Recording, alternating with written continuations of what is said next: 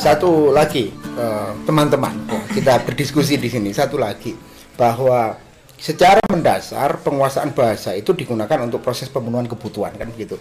Kita menguasai bahasa untuk apa sih bahasa? Sebenarnya kan bahasa kita gunakan untuk memenu, eh, proses untuk memenuhi kebutuhan, cara untuk memenuhi kebutuhan. Nah dari situ maka ada stratifikasi bahasa, gitu. ada bahasa lokal, ada bahasa nasional dan ada bahasa situasional, ya situasional. Eh, sebenarnya kita tidak perlu dalam stratifikasi itu kita tidak perlu bahasa dengan ting- tingkatan yang lebih tinggi ya. Ada yang paling dasar adalah bahasa lokal tengahnya bahasa nasional yang paling tinggi adalah bahasa situasional. Sebenarnya kita tidak perlu eh, menguasai bahasa yang nasional atau bahasa situasional kalau kebutuhan kita sudah tercukupi dengan bahasa lokal Ya, contoh dalam proses kebutuhan, kebutuhan mendasar adalah kebutuhan fisik gitu ya. Sandang pangan papan contohnya. Mbah saya, itu mbah saya itu orang Jawa totok yang kemampuan bahasa Indonesianya terbatas. Tapi ya toh hidup. Iya, ya bisa beranak pinak, artinya eh, memiliki eksistensi sebagai masyarakat, sebagai manusia ya itu karena apa? Mbah saya tidak perlu menguasai bahasa nasional untuk memenuhi kebutuhannya. Ya, cukup dengan bahasa lokal yaitu bahasa ibu, bahasa Jawa contohnya. Tetapi bagi anak cucunya bahasa Jawa atau bahasa lo dalam konteks lokal ini tidak bisa lagi dijadikan alat pemenuhan kebutuhan. Contoh, kebutuhan yang paling tinggi adalah kebutuhan akan aktualisasi diri. Aktualisasi diri salah satu bentuknya adalah eh, pendidikan contohnya. Be- Tidak mungkin kita bisa memenuhi kebutuhan kita hanya dengan menggunakan kebutuhan kita akan aktualisasi diri itu. Ya, salah satu contohnya adalah pendidikan. Kalau kita hanya menggunakan bahasa lokal, Iya, bahasa ibu, iya. ya mungkin eh, sebelum era politik etis tahun 1800-an itu mungkin pembelajarannya Masih masih, mungkin, menggunakan bahasa lokal atau bahasa ibu. Tetapi hari ini bahasa ibu tidak lagi bisa mencukupi dijadikan sebagai alat proses pemenuhan kebutuhan.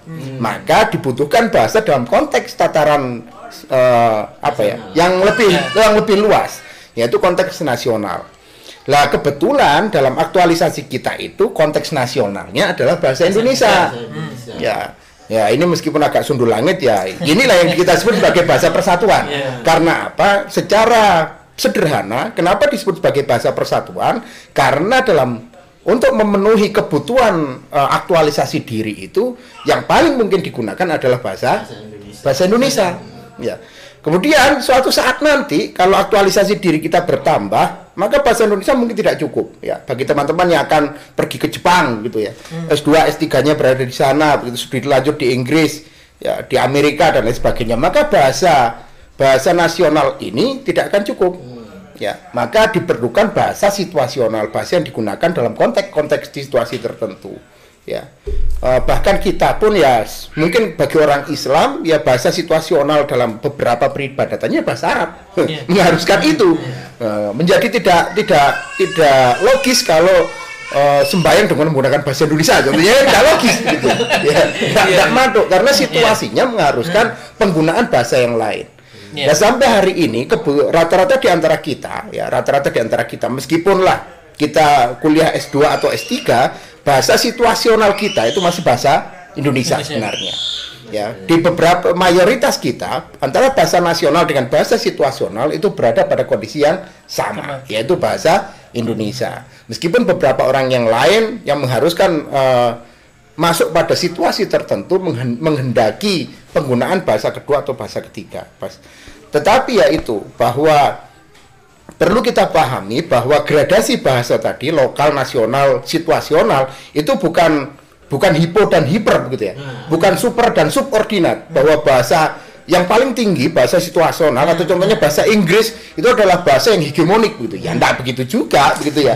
Iya. karena Iya. meskipun kita sudah lima tahun di Inggris gitu ya Inggris pakai E N G G R E S gitu ya. Inggris gitu ya meskipun kita lima tahun di Inggris gitu sehingga bahasa kita sudah setara dengan natif ya dengan bahasa lokal eh, setara dengan penutur asli dengan penutur asli ketika kita kembali ke Indonesia bahasa ini pun tidak akan situasionalnya kan berbeda begitu. Hmm. Kebutuhannya juga tidak akan terpenuhi dengan menggunakan bahasa Inggris itu tadi gitu ya. Mau beli cilok di SMP, SMP 4 gitu yeah. menggunakan bahasa Inggris ya tidak terpenuhi gitu. How much your cilok ya tidak terpenuhi. Maka di kita ya secara kultural di kita antara bahasa nasional dan situasional itu berada pada posisi yang sama, sama dalam proses aktualisasi diri. Ini yang perlu menjadi catatan